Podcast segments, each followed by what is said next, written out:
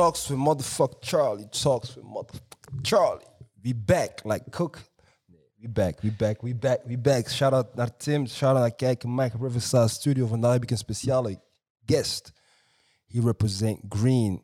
Not that negative green, some positive stuff. Ik heb meneer hier Ahmed. Nee, nee, nee. ik heb meneer Imad hier voor mij staan. Ah, die zitten trouwens.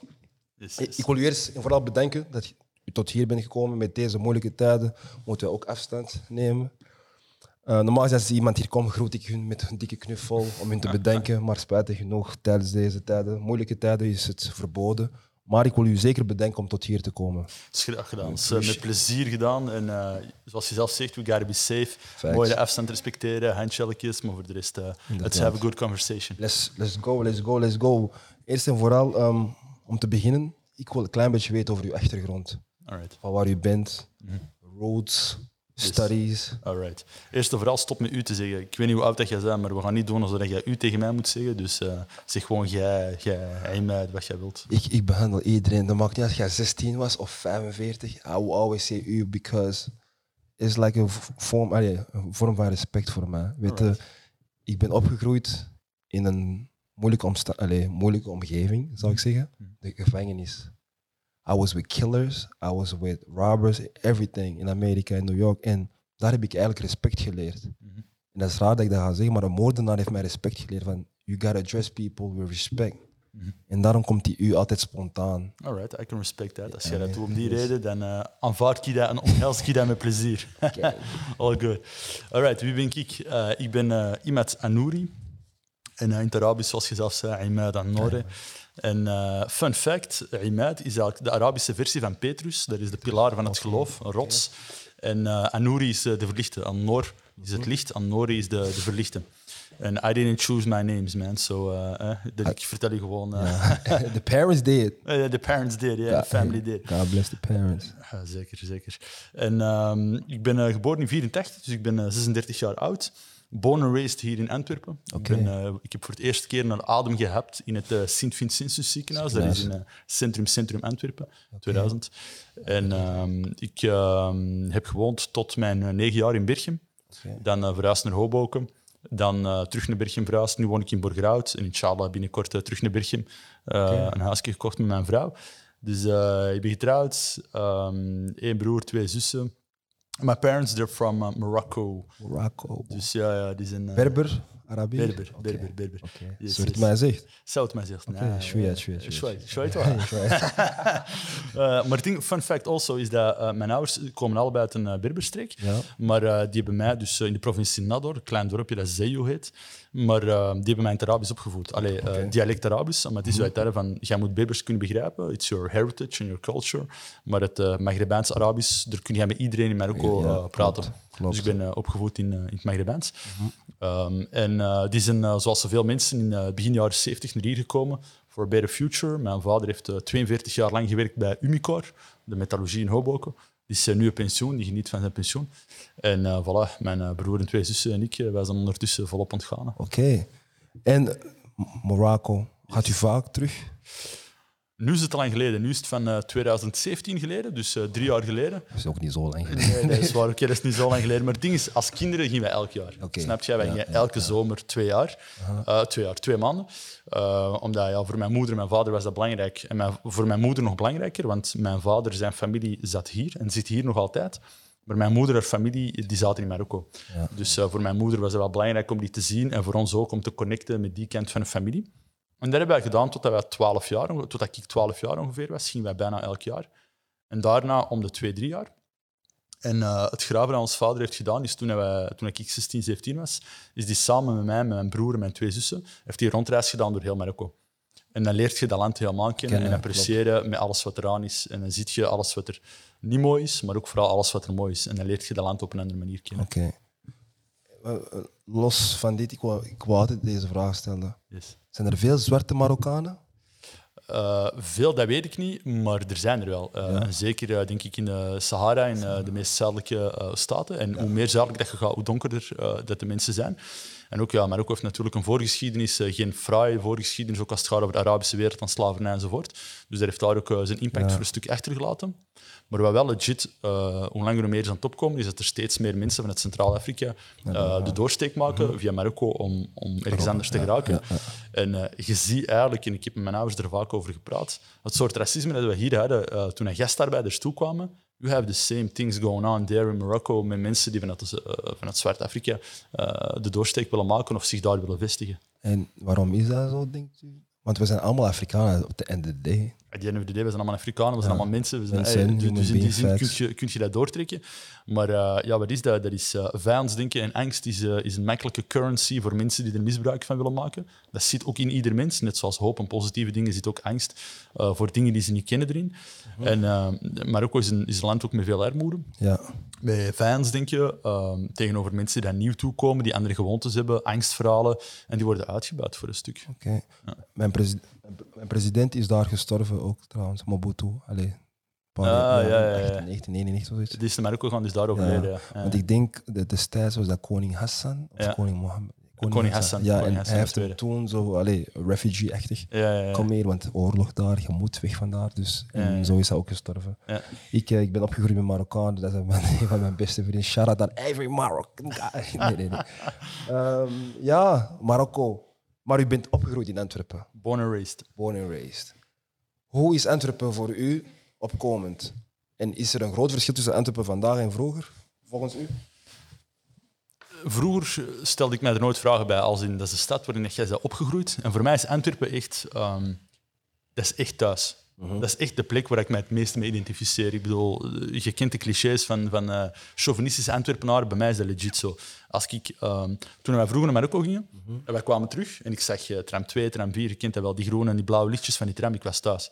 Snap je dat? Ik, ik, ik, ik was blij. Als ik weg ben in het buitenland, ik kom terug in Antwerpen, ik ben blij. Omdat Antwerpen is passie. Ik weet niet of je die rapper kent. Passie van uh, Diamantairs, van Eigen Makelij. Passie passief. Ja, voilà, voilà. Die, die, uh, die, zegt, uh, um, die noemt Antwerpen in een van de leaks dat hij heeft gedaan met toeristen en, en Mike. Zegt hem um, dorp met allures van de wereldstad. En bij Antwerpenaren willen niet zeggen dat, dat, dat Antwerpen een kleine stad is, maar internationally, jij weet dat is een kleine stad. Maar het klopt wel dat wij ook een wereldstad zijn. Jij, die, de hele wereld zit hier de Antwerpenaar heeft wortels in alle uithoeken van de wereld. Jij kunt hier alles doen wat jij wilt als het gaat over cultuur, als het gaat over uh, fashion, als het gaat over jezelf ontwikkelen of eenders wat. En voor mij, um, waarom ik dat zeg, is... Ja, ik heb er nooit bij stilgestaan als kind, maar ik ben opgegroeid, ik zeg het, in Berchem en in Hoboken. Ik heb daar mijn vriendjes gemaakt. En uh, ik heb er nooit bij nagedacht, maar mijn beste vriend die heeft uh, blauwe ogen, blonde haren. Mijn tweede beste vriend heeft Koerdische roots. We hebben, toen wij, uh, hoe oud waren wij? 23, hebben een voetbalploeg opgericht met alle maten van de buurt. Bij de elf nationaliteiten. Bij de Tjadezen, bij de Spanjaarden, Turken, Koerden, Thai, noem maar op.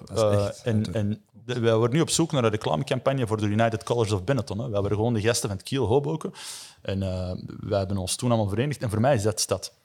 Voor mij is dat gasten die, die weten, jij roots en een verrijking vanuit alle hoeken van de wereld. Maar samen zitten wel gewoon Antwerpenaar, je doet die dingen te samen.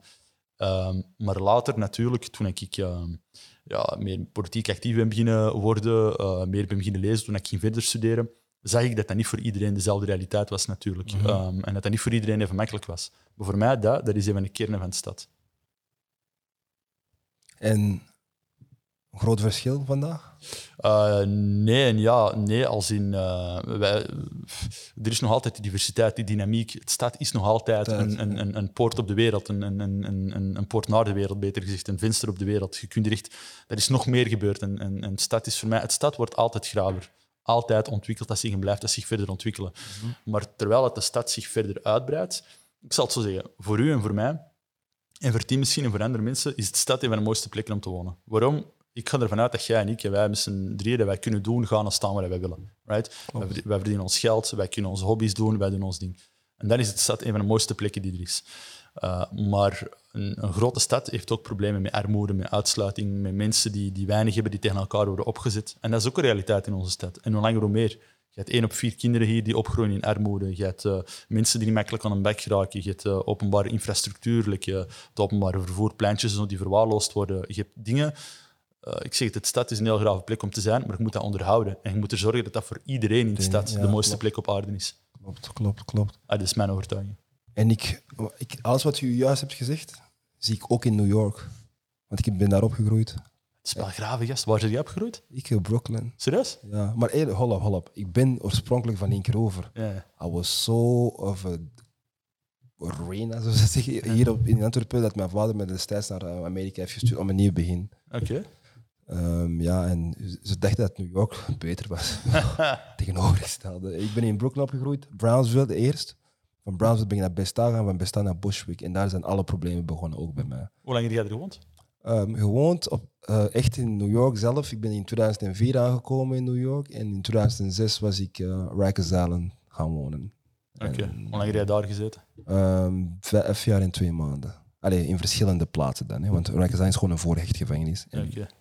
Daarna hebben ze mij overal geshipped. I Alright. mean, ja, gewoon domme keuzes gemaakt op een jonge leeftijd. Kan allemaal gebeuren. Maar vandaag de dag, am hey. En daarom ook de volgende vraag. Wat waren uw ambities? Nee, voordat ik die ambities vraag. Moeilijke jeugd gehad? Nee. Alhamdulillah, nooit. God bless. Nooit, nooit iets tekort gekomen. En ik ben daar, eh, ik kan zo zeggen, alles wat ik vandaag kan doen, elk eh, succes tussen aanhalingstekens dat ik bereik als mens, heb ik allemaal te denken aan mijn ouders. En mijn broer en mijn zussen. Sowieso. Eh, showered with love.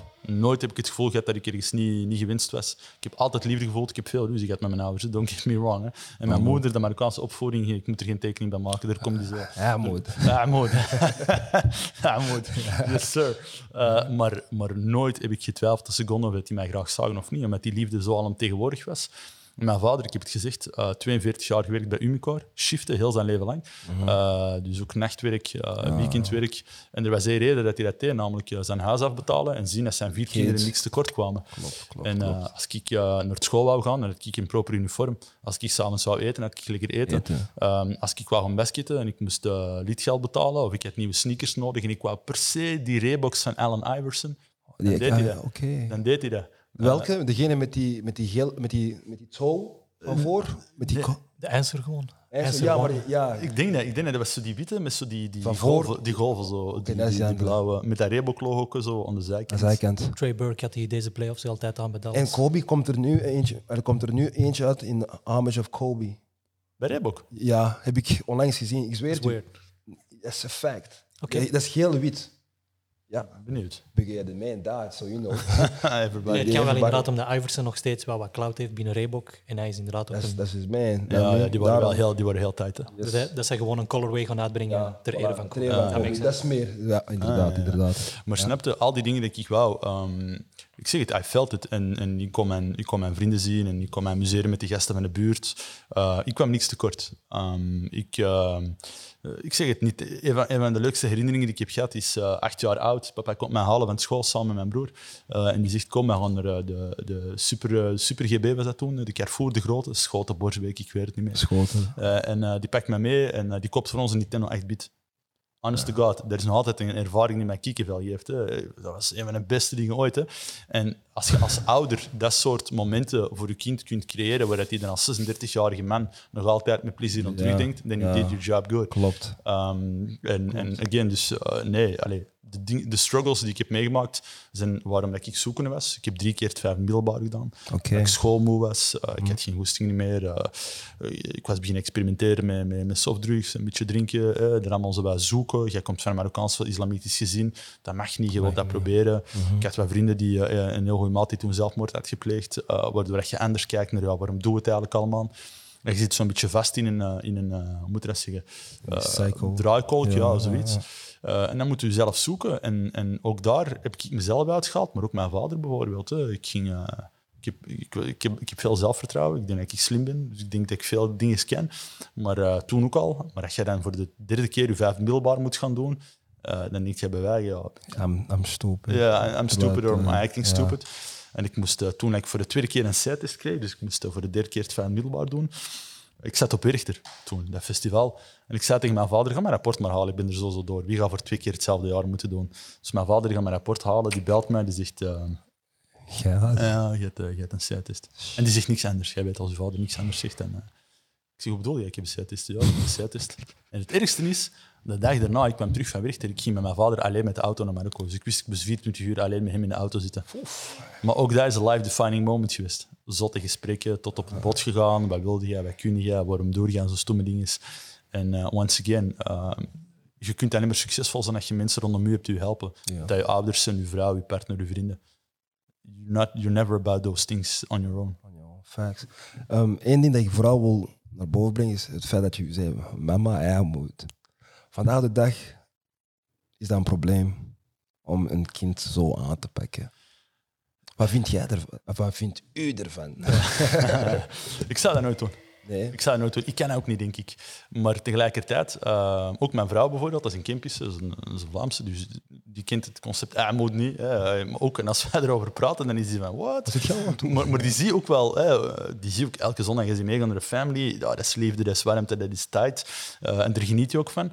Maar ik, zou mezelf, ik zie mezelf nooit, maar dan ook nooit. The times has changed. En bij hen kwam dat van een plek van liefde, maar ook denk ik van een plek van onbegrip. Die waren kinderen aan het opvoeren in een omgeving die zij niet kenden. De buitenwereld was voor een stuk gevaarlijk. Ja. Um, die wisten niet goed wat er buiten speelde. Als ik als kind wegging of wat dan ook, het kwam misschien van een emotie van onmacht of zo. Mm -hmm. En ik denk dat ik dat veel minder heb. En ik geloof daar ook niet in dat dat een efficiënte manier is. Maar the times change. change. Dus ja, voilà. Ja, ja, ja. Wat vind jij ervan? I used to get my ass kicked.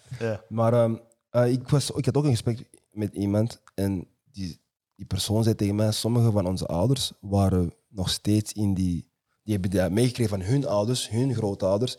En die grootouders waren ook opgegroeid tijdens de slavernij. En ze werden ook geslagen als ze iets deden. Of um, ja, op je knieën, hand omhoog en als dat naar beneden komt, krijg je rammel. Zo van zulke dingen kreeg ik ook opgroeiend. Ah? Opkomend. Okay. En, en ik moest even bij stilzitten, want eigenlijk klopt dat wel. Sla Allee, slaven, ja, als die hand naar beneden komt, krijg je de klappen van je leven. Dus met andere woorden, ik moet mijn handen omhoog houden. Dus van waar komt die hele idee? En voor mij, wat hij tegen mij zegt, dat klopt gewoon volledig. Van, die hebben dat gewoon van de grootouders. Maar de grootouders hebben dat misschien van hun sleefmeisjes of zo. Ja, ja, ja. Maar persoonlijk, ik heb twee zonen. Ja. I would never do that. Ja. Ik denk mijn zoon, ik kijk gewoon naar mijn zoon van, what is you doing, man? Dat is meer dan genoeg. Like, I ain't trying to, ik ga nooit, ik ga nooit mijn zoon slaan. Het meeste wat ik misschien kan doen, is van, yo bro, als, je, als je je moeder disrespect of zo, niet dat dat gebeurt, maar ik zie mijn zoon echt geen, al die shit doen. Ja, ja, Ik denk, nu zeg ik tegen u, du jamais zou ik dat doen. Maar ik heb nog geen kinderen. Dus als ik kinderen zou hebben, who knows? Maar die gevoel van, Nee, nee, ja, dat nou, niet ja, weet je, want je bent je ook gewoon, man, you strong. Nee. Dat is zo, Maar nee, ik bedoel, pff, zelfs nu, ik heb een klein neefje, die is drie jaar oud. Die gast is echt geniaal. En als hij het gewoon uithangt, want that's what kids do That's ook trouwens, ehm, dan eh, je kijkt gewoon eens streng, zoals jij zelf zegt. Jij, jij laat je stem een beetje Ja, zeggen. Janis. Janis, Ja. wat doe je? Je kijkt WhatsApp, iets. Nou. Dat is, inderdaad- dat is meer dan genoeg. Dat is meer dan genoeg. Ehm, opkomend, wat waren uw hobby's? Ik heb al gehoord van basketbal, dus... ik- Ja. Ik heb, uh, ik heb uh, lang gebasketbald. Uh, en I went to New York three times to watch uh, my favorite uh, loser team, the New York Oh, Knicks. ik, maar dat is, ik heb gehoord van Great Run. Sterkte. Ja, inderdaad, merci, sterkte. Merci. is, is niet meer een New York Knicks town, by the way. It's a Brooklyn town. Ah, ja. But keep going. Shut up. nee, nee, nee. Eh, dus eh, ik ben ehm, dus, eh, ook altijd zwaar basket eh, fan geweest. Ook naar daar geweest om, om eh, te volgen. En ehm, eh, dat was altijd heel iets. Gamen was altijd heel eh, iets waar ik into was. Sega Mega Drive, Nintendo 8-bit. Daarna de link gemaakt naar Sega Mega Drive 16-bit. Daarna een Nintendo Cube gehad. Dat was niet zo'n succes. Dat is die vierkante... ja, ja, Favorite games? eh, FIFA. Ik heb sinds, sinds dat FIFA 95, dat is daar begonnen, dat is nooit geëindigd. Eh, NBA, maar om heel eerlijk te zijn, die maken dat te moeilijk om, om, om dat enjoyable te houden, vind ik bij momenten. Eh, shooters, ehm NBA Jam of... eh, 2K.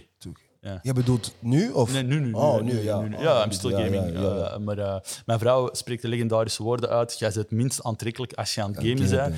Dus eh hebben bepaalde regels dat ik alleen maar game als zij niet in de buurt is. Ehm. Dus dat is ook nog een beetje creatief wezen. Maar ook van die spelletjes, like Uncharted en zo, daar kan ik echt zwaar van genieten. En ehm, lezen, ik doe dat echt heel graag, omdat in het vierde middelbaar was er een leerkracht die ons een schoolopdracht gaf van jullie moeten deze jaar acht boeken lezen. En ik vond dat echt super plezant en die motiveerde mij echt. Ik heb dat jaar toen 23 boeken gelezen. En dat is weer zo'n voorbeeld van één iemand die, u- die, die je gewoon inspireert en die een wereld voor je openzet. En science fiction. Oeh, nog altijd. Oeh, man, science fiction. Eh, Hebt u een bepaalde schrijver dat u vandaag de dag nog leest, bijvoorbeeld? Ik heb James Patterson, om een voorbeeld te geven. James Patterson, maar dat, is ook, dat zijn geen echte verhalen, niet altijd. Maar dat is wel iemand die mij, ook tijdens mijn gevangenisperiode, die mij gewoon, ja, de gedurende vijf jaar heb ik echt veel van zijn boeken gelezen. James Patterson, Robert Greene, The 48 Laws of Power, dacht ik, ook. Maar dat zijn de enigste dat ik. Als u moest kiezen, welke schrijver? Ik heb niet per se een favoriete schrijver. Ik ga eerlijk zijn. Ik heb juist een roman gelezen en, en zelfs de naam van de schrijfster ontgaat mij. Maar eh, het boek heet Washington Black. Overdreven graaf boek. Wil ik u zeker aanraden trouwens. Eh, ja. dat heeft trouwens ook een linkje met, met slavery, maar dat is ook eigenlijk een fantasy-adventure story, maar, maar heel goed geschreven. En ook een heel goede take on, on, on eh, the hardship of, eh, of slavery. Ehm, Wie heeft die boeken geschreven? ik weet dat niet, ik wil dat eens voor u opzoeken. Nee, Eh, maar het, boek zelf heet Washington Black. Washington Black. Ehm, en, en wat ik eigenlijk graag doe, is gewoon naar eh, boekenwinkels gaan ehm, en echt gewoon boeken die mij op dat moment echt aanspreken, gewoon meepakken en lezen en mij erin verdiepen. Maar je hebt ook van die boeken zoals The, The Monk of Mokka. Het laatste boek dat mij serieus is bijgebleven, dat is eh, van Dave Eggers. De mond. The Monk of Mokka, de monnik van Mokka. Oké. En dat is, een, dat is een verhaal dat mij serieus is bijgebleven, heb ik ook onlangs gelezen. En dat gaat over, eh, dat is van Dave Eggers. Dave Eggers is een bekende schrijver. En eh, dat gaat over eh, True Story trouwens. Een gast uit San Francisco, die heeft Jemenitische roots, Arabische roots. En die komt er op een bepaald moment achter van, ja, eigenlijk, eh, koffie, de bonen, die komen uit Ethiopië, maar die zijn eigenlijk tot koffie gemaakt, zoals wij dat nu kennen in eh, Jemen. Daar is dat de eerste keer eh, ontstaan. En via de haven van Mokka werd dat altijd uitgevoerd. En nu is koffie super hip. Iedereen drinkt graag koffie, eh, betaalt er 5, 6 euro voor en weet ik wel allemaal. Maar eigenlijk, Jemen doet er niks meer mee. En die gast is dat dan opgestart in Jemen met van die lokale boeren. Hij heeft die overtuigd om eh, niet meer kat te telen. Kat is zo'n eh, een eh, kou ding waar ze een beetje high van worden. Dat waren al die boeren het telen. Is dat zoiets bruin dat jij zo hier... Zo... Nee, dat is niet, dat is Nee? niet pruimtabak, maar dat is nog iets anders. Dat is zo, ja, zo'n soort, ik denk groen, ik ken het zelf niet, maar dat is zo'n soort van iets waar ze op kouwen. En al die boeren waren daar aan het telen, omdat dat, ja, ze verdienden er niet veel mee, maar er was veel vraag naar. En hij heeft een paar van die boeren overtuigd om zo premium koffiebonen te beginnen telen, maar de burgeroorlog is dan losgebarsten. Terwijl hij net zijn eerste shipment ging, ging eigenlijk eh, lanceren naar, naar Amerika. Dat is dus een true story. Op een bepaald moment moet die gast, zit hij daar tijdens de oorlog, want hij, hij eh, helpt allerlei vrouwen bij tewerkstelling enzovoort enzoverder. En die moet dan vluchten met een rubberbootje naar Djibouti. Van Djibouti dan terug gaan naar Amerika. En eh, op een bepaald moment in dat boek zegt hij, ja, hij en die gast, eh, ik en die gast waren zo blij dat we dat hebben opgenomen met de camera. En op YouTube zie je franchement die gast op een boot die dat opneemt onderweg naar Djibouti, omdat hij dan uiteindelijk de burgeroorlog heeft... eh, ah, dat zijn van die verhalen die, die inspireren. En dat is Monk of Mokka. Ja. En die gast heet Mochtar, en Mochtar was de naam van mijn grootvader, de vader van mijn vader. Oké. De link was mee. Ja, ja. Oké. Oké. Dus hobby's, boeken lezen, basketbal, ploeg ook? Hierin? Ik heb, eh, ik heb jarenlang eh, gebasket bij Antigon in Hoboken. Oké. Mhm. Eh, dan eh, even bij EBC, Erium. Eh, twee jaar. En dan... Nooit elkaar tegengekomen tijdens een wedstrijd of Nee, nooit, nooit. I was not that good, by the way. I love the sport, but... DJ Benga-achtig? eh, nee, nee. ik heb wel ooit een bal tegen mijn hoofd gekregen van DJ Minge. Oké. Hard zelfs. Omdat hij, waarom? Eh, dat was toen dat hij bij Willy Steveniers trainde. En eh, wij waren met Pius 10, denk ik toen, eh, in dezelfde sporthal gaan, gaan trainen. Mhm. wij, we waren les aan het krijgen. En die mannen waren naast ons aan het trainen. En op een bepaald moment, een bal van ons rolt naar hun. En die gast die gooit de noos, maar die gooit echt hard los tegen mijn gezicht. En ik weet nog goed, mijn bril viel in mijn gezicht. Ik was echt kwaad. Ik wandelde naar daar. Ik zeg, kun je gewoon niet gewoon even sorry zeggen tenminste? Van, die gasten zijn allemaal groter dan Groot, mij. ja. En hij zei toen, oh, sorry, ik heb het per ongeluk gedaan. Oh, en hij spreekt, ik- hij spreekt ook gewoon Nederlands. Eh, dat was toen niet, dat weet ik niet. Ik denk dat hij toen sorry heeft gezegd. Ik denk niet dat dat toen Nederlands. franchement goed Oh, Nederlands was. Oké. Nee. Oké, oké. Fijn om te weten. En uiteindelijk ehm, drie keer blijven zitten, vijfde middelbaar was het, als ik me niet vergis? Drie keer het vijf gedaan, Ja. twee keer blijven zitten. Twee keer, oké, twee keer. En de derde keer daarna bent u dan uiteindelijk afgestudeerd. Ja. Als in... Eh, ik heb uh, menswetenschappen gedaan op uh, PS10. Dat is nu humane wetenschappen, is dat zeker. En, uh, Dat is in Ab- Abdijstraat. Abdijstraat, ja. Dus ik, ik heb op Sint-Agnes in Hoboken gezeten tot uh, het vijfde middelbaar. Dan daar eerste keer zijtest gehad. Maar die school, dat was een kleine katholieke school, waar ik mij echt helemaal opgesloten voelde. Dat ging gewoon niet meer. Dat was ook niet mijn wereld. Maar ik wist niet toen wat ik, wat ik nodig had. Ik ben naar PS10 gegaan, daar is mijn wereld helemaal open gegaan. Uh, maar dan terug een, een, een, een C-test. En dan, wat ook wel belangrijk was toen, ik had veel vrienden die dezelfde situatie zaten, veel, een drietal of een viertal, en die zijn middenjury gaan doen. En ik heb toen beslist, samen met mijn vader, van oké, okay, jij kunt deze, zie er, en doe gewoon verder. En die gasten die middenjury hebben gedaan, hebben een diploma nooit gehaald. En ik toen gelukkig wel. En ik ben daarna gaan verder studeren eh, in Brussel. En ik heb uh, sociaal-agogisch werk gedaan. Hogeschool? Uh, universiteit en hogeschool, ja, ja, een combinatie. en dan um, daarna um, was ik afgestudeerd, ben ik beginnen werken aan de Universiteit van Leuven. Ik heb daar vier jaar gewerkt van 2010 tot 2014. En in 2014 uh, the opportunity to be elected as a member of parliament. Be, um, Leuven. Ja. U had iets te maken met de instroom. Ja. Kunt u mij een klein beetje lichten erover? Universities were and are still white. En universities know that that's a problem. Want um, je hebt superveel talenten, superveel mensen met capaciteit in onze samenleving. En, en in onze superdiverse samenleving zijn uh, ja, superdiverse mensen natuurlijk. En um, de KU Leuven had ooit zo een moment georganiseerd, want die zagen van ja, in onze instroom, dus de mensen die binnenkomen, die zich inschrijven, is dat heel weinig. Dat was toen 2% of zo van iedereen die zich inschreef. En van die 2% waren er heel weinig mensen die effectief een diploma haalden. En dat is een probleem. Wij willen onze rol opnemen als universiteit. En die hadden zo'n informatiemoment georganiseerd en hij heeft toen de kranten allemaal gehaald. Uh, van, die hadden allemaal stoelen rondgezet en die gingen allemaal mensen verwelkomen en zo. En er was een foto in de krant met allemaal lege stoelen. Nobody showed up. Omdat niemand zich er thuis voelde of mee associeerde of zoiets had van ja, deze is iets voor mij. En dat was niet over competenties of talenten, maar dat ging gewoon over ja, is deze iets voor mij, ja of nee? En ga ik mij er thuis voelen? Een, een universiteit met een zekere ja, elitair imago van de best of the best en alleen maar voor, voor, voor mensen die vanuit een bepaalde omgeving komen. En uh, de universiteit zag dat ook als haar taak om er iets aan te doen. En daardoor hebben die dan uh, bepaalde projecten opgestart. En één daarvan was mijn functie. Mm -hmm. En Frans, toen ik er begon, was dat een halftijdse job. Maar toen ik er ben gestopt, was dat meer dan een voltijdse. Heb je er heel veel in geïnvesteerd. En je zag ook wel dat er hogere instroomcijfers waren. Um, maar het was niet alleen maar over instroom, het was ook over je cultuur veranderen binnen een universiteit zelf, je curriculum, hoe dat je met mensen omgaat, om ervoor te zorgen dat die hun eigen er ook thuis voelen, iedereen. Uh, en, en dat is voor iedereen anders, maar gewoon dat je als universiteit uitstraalt, ja, wij, zijn, eh, wij staan in de wereld en de hele wereld is hier welkom en de hele wereld kan zich hier thuis voelen. Het gaat over wat er in je hoofd zit en niet, niet waar je zelf je vandaan komt. En um, dat was eigenlijk een van de mooiste dingen die ik heb mogen doen. Ik heb echt heel graag gedaan. Uh, en dat deed een beetje pijn om afscheid te nemen, maar honest to God, uh, het was voor iets, ja, het was voor iets veel mooier zoek. Dus, uh, en ik heb nog altijd veel contact met, met een collega daar. Ja, dus, ja. Dat is dope. Ik heb dat gezien en ik vroeg me af, oké, okay, wat, wat, wat, houdt dat echt in? Ja, ja, exact in, sorry. Ja, de cijfers zijn toen van 2 à, 2 à 3 procent gestegen naar 9 procent, wat nog altijd veel te weinig was. Maar nu, als ik kijk wat er allemaal leeft en beweegt op de universiteit, zijn die wel serieuze stappen vooruit ontnemen. En zie ik ook wel dat veel van de jongeren die ik toen heb begeleid, they're doing awesome things. Uh, Eén daarvan is nu psycholoog in een dokterspraktijk. Die andere heeft net haar eerste boek uitgebracht. Shout-out mm. naar Warda. Um, een, paar, uh, een paar andere mensen die echt heel, heel mooie dingen zijn aan het doen. Um, waar ik gewoon... De, één is aan het doctoreren. Dus uh, ik ben er wel echt wel heel fier op. Oké, okay, dope. Shout-out, shout-out.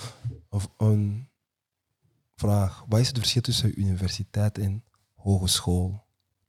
Uh, universiteiten bereiden nu eigenlijk voor een stuk voor op, uh, op kennis, op het academische. Uh, dus je hebt daar een, een, een, academische bachelor, heet dat, de eerste mhm. drie jaar. En dat toont u vooral, of dat helpt u vooral om in de diepte bepaalde dingen te begrijpen, verbanden te leggen en, en, en, kennis te vergaren. Maar na uw drie jaar bachelor op een universiteit kun je geen zak gaan doen op de arbeidsmarkt. Je moet je nog gaan specialiseren, een vierde en vijfde jaar. En dan kun je een stap zetten naar de arbeidsmarkt. Maar op een hogeschool, die drie jaar, dat is knowledge, misschien niet zo diep als, maar wel gekoppeld aan doen. Jij leert ook skills, uh, of dat dan nu voor de verpleegzorg is, of het dan nu zo in de ICT, of het dan nu is in mechanica, of het is in sociaal-agogisch werk. Jij krijgt meteen ook on-the-job skills, on-the-job experience. Jij doet ook stage in je tweede jaar, denk ik, twee maanden, en in je derde jaar zes maanden. En als je je diploma haalt na die drie jaar bachelor, you're good to go. Dat is wat ik nu trouwens ook doe zelden zo duidelijk uitgelegd waarvoor denk. dus, Geen probleem. maar ik, doe, ik zit nu ook in de hogeschool en, ah, cool. en uh, ja, Wat doe je? Ik heb maatschappelijk werk natuurlijk. Ja, dat is goed. Dat is goed. Ja, welzijn. Okay. ze, ze, zeggen zo, uh, each one teach one. Each one teach one, uh, Maar je zegt ook each one help one eigenlijk. Ja, actually. Ja. Nu de beste vraag die nu gaat komen. Ah, Politiek. Oh, ik heb de stories gezien, goede stories. Ja, because, eh, en dat is één ding dat ik zeker belangrijk vind, want ze verwachten van vele jongeren later, niet alleen jongeren, maar ook volwassenen mensen die van andere landen komen, bla bla, om bepaalde dingen te doen. Stemmen bijvoorbeeld. Maar politiek, het woord politiek, kunt u dat een klein beetje begrijpbaar, maar duidelijker maken voor mensen die dat niet. Ik ben ook een van die mensen trouwens, die dat echt niet verstaan. En niet alleen duidelijk maken, maar welke invloed heeft politiek in onze dagelijkse leven? Oké. Het zijn twee verschillende vragen. Ik ga, Ja, ik ga, ik ga beginnen met dat verschillende eerste. Hè. Ja. Wat politiek voor mij is, eh je samenleving. Right? En een samenleving, pak Antwerpen, pak Vlaanderen. It was never about iedereen die hetzelfde denkt en daardoor zijn wij één samenleving. Nee, dat gaat over verschillende mensen met verschillende overtuigingen, maar die wel allemaal samen zeggen, we're in this together en we willen samen één gemeenschap vormen, hè? een samenleving vormen. Maar iedereen heeft verschillende ideeën. Hoe gaat het dan consensus krijgen over wat er moet gebeuren? Politiek is georganiseerd om verschillende eh, meningen zich te laten organiseren, met elkaar op een vreedzame manier in debat te laten gaan, scherpe debatten in de gemeenteraden, in de parlementen, en om dan tot consensus te komen van oké, eh, dit is wat er moet gebeuren in de samenleving om iedereen zoveel mogelijk te representeren. Ja. Eh, je hebt verkiezingen. En wat zijn verkiezingen? Verkiezingen zijn al die ideeën die zich presenteren aan de mensen om te zeggen van oké guys, wij hebben deze idee, wij hebben deze idee. Proberen mensen te overtuigen en daarmee dan, eh, dat bepaalt dan je pole position of een andere positie waar jij dat debat kunt voeren in die parlementen en zo. Dat is basically politiek. Een georganiseerde manier van scherp debatteren en keuzes te maken die iedereen meenemen. Right? dat, dat zou politiek moeten zijn. Dat is hoe ik erin geloof. Um, the thing about politics is, if you're not interested in you, it doesn't matter. Politics is still interested in you. Oh, Wauw. If you're not interested in politics, it doesn't matter. Politics is still interested in you. Ja. Uh, je hebt, je hebt, uh, uh, je hebt, denk ik, in je stories gezegd van nou zijn jullie bezig met politiek. En ik denk dat verschillende jongeren hebben gezegd, nou, I don't care. Nee, Ik snap dat, ik snap dat. Maar politiek beslist welke subsidies City Pirates krijgen. Krijgt. Politiek beslist hoeveel belastingen dat er wordt betaald op die laptop dat je hebt. Politiek Ja. beslist hoe dat de trams en de bussen er hier Dat rijden. ja zien wij nee. niet. Dat is het probleem. Nee. Ik, ik ben onderweg naar hier. Wij zitten nu in Linkeroever. Ik eh, stap van de eh, tramhalte naar hier. Ik kom een stadskantoor tegen. Ik kom een postkantoor tegen dat nog open is. Politiek beslist hoeveel stadskantoren, eh, postkantoren, banken enzovoort er ook nog voor een stuk zijn. dus politics, if you're not interested in politics, it doesn't matter. Politics is still interested in you. So you better get engaged. Klopt. Snap je wat ik wil zeggen? Uh, maar, maar dat is zo, want als jij er niet over, als jij je niet gaat mengen, en ik zeg niet, je, je moet allemaal zwaar politiek geworden. Nee, je kunt je organiseren op allerlei manieren. City Pirates is hier een van de beste voorbeelden. hè. Yes, sir. Dus dat is uh, a lot more for community building dan denk ik andere uh, mensen die in het parlement zitten en er de hele tijd over bezig zijn misschien. Um, maar, maar, en, en politiek kan op heel veel manieren gebeuren, niet per se enkel bij politieke partijen. Maar als je het niet doet, dan laat het over aan mensen die even goede beslissingen gaan nemen, die nog steeds impact hebben op je daily Ja, life. oké. En dat is eigenlijk, je hebt, dat is eigenlijk, je hebt dat echt duidelijk gemaakt van how can politics Ja, en dat gaat breder. hè. Dat gaat breder. Dat gaat ook over eh, politieagenten, hoe dat, dat vorm wordt gegeven. Dat gaat over eh, je school en, en, en de vakken die je daar krijgt. Dat gaat over eh, eh, armoede, armoede, sociale woningen die gebouwd worden. Dat gaat over eh, uitkeringen. Dat gaat over zoveel meer. Over belastingen die je betaalt als zelfstandige. There is so much into it. En binnen een paar dagen zijn het verkiezingen in Amerika, 3 Ja, november. Twee, is dat niet twee? 3 november, Oké, denk drie. Eh, kijk nu naar de beelden die rondgaan van Amerika. Mhm. Kijk hoe moeilijk dat het in Amerika historisch gezien is gemaakt voor heel veel mensen om hun stem uit te brengen, omdat ze net de power wouden houden bij de powers that are, Mhm. that be. Dat is geschift. Eh, iemand heeft een filmpje gedeeld van oh my god, this is what democracy looks like. En dan heeft hij zo gefilmd mensen die aan het aanschuiven waren. Maar gast, dat filmpje duurde twee minuten en dat was fast forward. Dat waren echt seven, eight blocks Oké. people die aan het, eh, aan het wachten waren. Hoeveel mensen heb je niet ontmoedigd om te komen stemmen Ja. daardoor? Dus uw stem, uw, uw stem is echt, is, uw stem is echt belangrijk. Je kunt er echt iets mee doen, maar we zijn ons daar niet bewust. Enerzijds omdat dat ons te weinig wordt duidelijk gemaakt wat de kracht is van uw stem.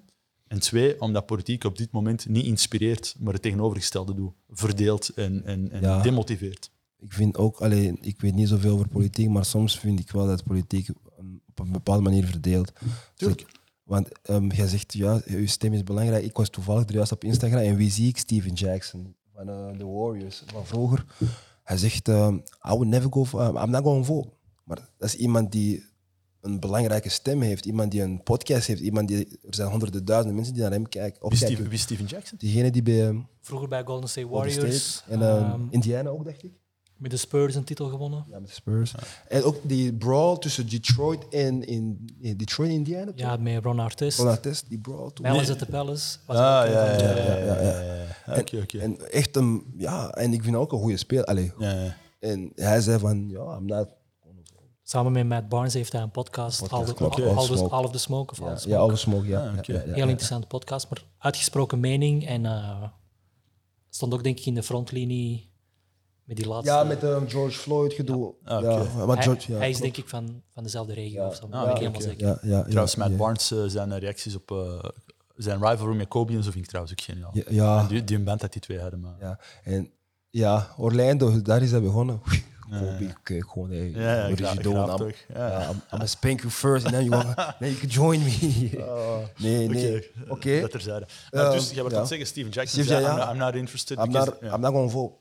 En, en, want atleten tegenwoordig zijn atleten misschien belangrijker dan politicians. Let's be honest. Als LeBron James vandaag vraagt, go vote. Yo, LeBron asked me to go vote. Mhm. En Steven, ik vond dat, ik, vond- nogmaals, ik vond dat niet goed van hem, om dat te zeggen bijvoorbeeld. Ja. Maar eh, één, het graven is, als je zegt van ja, hey, sporters zijn belangrijk eh, voor politiek. Politiek is van ieder van ons. Politiek is niet van iemand die even in het parlement zit en mensen represent. Snap je? Dus iedereen, hoe meer mensen Ja, ermee ja, bezig zijn, hoe beter. hè. Zo.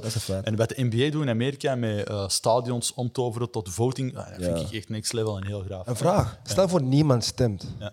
Niemand. Wat gebeurt er dan? Ja, dat is een goede vraag. Ik weet het niet. Tweede ronde zeker.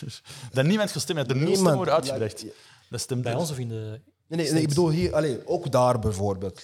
Wie wie een voor? Nou, Dan gaat Donald Trump winnen met één stem tegen nul, want hij gaat altijd op zichzelf stemmen. oké. Facts. Ja, en ook hier, eh, wat zou er dan gebeuren? Maar ik denk, dat je, ik denk dat je iets onderschat. Namelijk, er gaan altijd mensen stemmen, want er zijn altijd mensen die er iets bij te winnen hebben. En de vraag is, wie wil dat er iets bij te winnen heeft? ja. Sommige mensen zijn blij met alles hoe dat dan nu gaat. Because they're, winning by it. hè. The status quo, it's gotta stay as it is. Andere mensen willen dingen veranderen van onderuit. En politiek is een goede manier om dat voor een stuk te organiseren. En voor zij, die, die like Steven Jackson, maar die ook hier leven, hè, mijn beste maat bijvoorbeeld, waar ik in het begin over had, die zegt tegen mij, ik stem op u, omdat ik iets of wat nog in u geloof. Vlaams niveau, maar op stadsniveau en op eh, provinciaal niveau, in voting, op eh, federaal niveau, in voting, blanco. Blanco, blanco, blanco. En het ding is, ehm, ik geloof in iets, ik sta voor iets. Overtuig ik u? Hè? Come with me, vote for me. Zeg jij voor iemand anders? SPA, NVA, Open VLD, Engage gaat ervoor. Kun jij nergens iets vinden? Do your own thing. Organiseer u. Voer druk op op partijen. Organiseer u niet per se met een partij, maar misschien met een beweging die zegt tegen die partijen, wat ga je doen voor ons? Want op dit moment wil ik op niemand van jullie stemmen. Want op de key issues die ik belangrijk vind, is er niemand van jullie die iets voor mij in beweging zet. Doe dat op die manier. Want movement, social movement, komt van politiek, maar ook voor een stuk van onderuit en erbuiten. Uh, dus engage yourself op eenders welke manier dat je wilt, maar laat het niet over aan, aan, aan, aan, aan de anderen. Want ik ben een enige gast, enige man met migratieroots in een Vlaams parlement. Er zitten 124 man en ik ben de enige man met migratieroots. Die 124, they're about representing us all.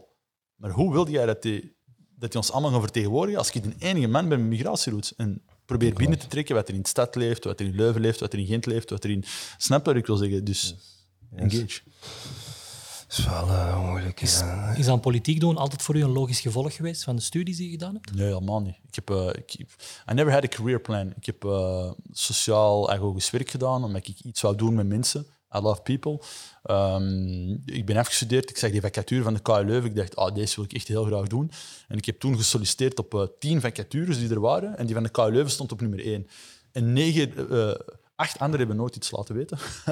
de eerste twee gelukkig wel. En de KU Leuven, dat op nummer één stond, die bij jou gezegd. Dus I had a lot of luck once again, omdat er één iemand was die in mij geloofde, de toenmalige diensthoofd. Um, het is nog altijd diensthoofd nu. En dat is wat ik er juist zei. Je kunt alleen maar carrière moves maken als mensen je somebody, helpen. If somebody's there opening the door for you. Um, en ik was altijd wel mee... Wij discuteerden graag thuis ook over alles. Uh, dus dat staat er altijd wel in. Um, en ik ben er eigenlijk ingerold. En ik denk om eerlijk te zijn dat dat de gezondste manier is om aan politiek te doen. Niet zo, I want to make that career, maar gewoon van, uh, it's an opportunity and I want to do something with it. Oké. Um, er zijn veel partijen. En ik ben hier niet om te zeggen van deze partij, dat, dat. maar wat hebben jullie allemaal in gemeen? Die partij, allee, wat hebben die partijen allemaal in gemeen?